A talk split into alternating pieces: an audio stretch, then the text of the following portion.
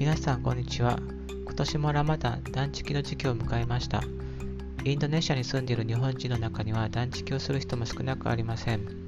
ただ、イスラムじゃない人にとって1日断食するのと30日間断食するのでは、モチベーションを保つのはかなり難しくなります。嫁が断食をするというので私も断食を始めましたが、それにはモチベーションが必要です。そのモチベーションの一つ一つになるのが健康です。断食をすることによって健康的になるのは疑う余地がありません。ただ、インドネシア人のように断食前のパーサの朝飯に脂っこいものを食べたり、断食明けの部下パワーサで甘い甘い飲み物やドカ食いをしていたら、日本人の体にはあまり合わないと感じます。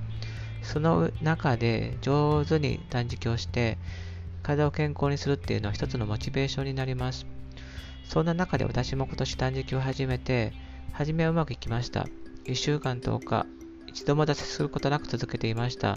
そして14日目、その日子供が学校は休みなので、家族と遊ぶ予定でした。断食をしていては体力がなくなるので、この日だけはいいかと思い、断食をその日はやめることにしました。しかし、次の日になるとすでにモチベーションが落ちており、その後続けることができなくなりました。この後自分のモチベーションが回復回復するかどうかわからないですが、かなり難しいと思っています。皆さんはどうですか？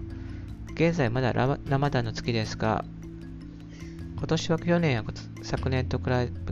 べてかなり制限も緩く緩くなっているので、数年通りのラマダン、そしてラマダン明けの休みを過ごせるので過ごせるのではないでしょうか。それでは良い一日を。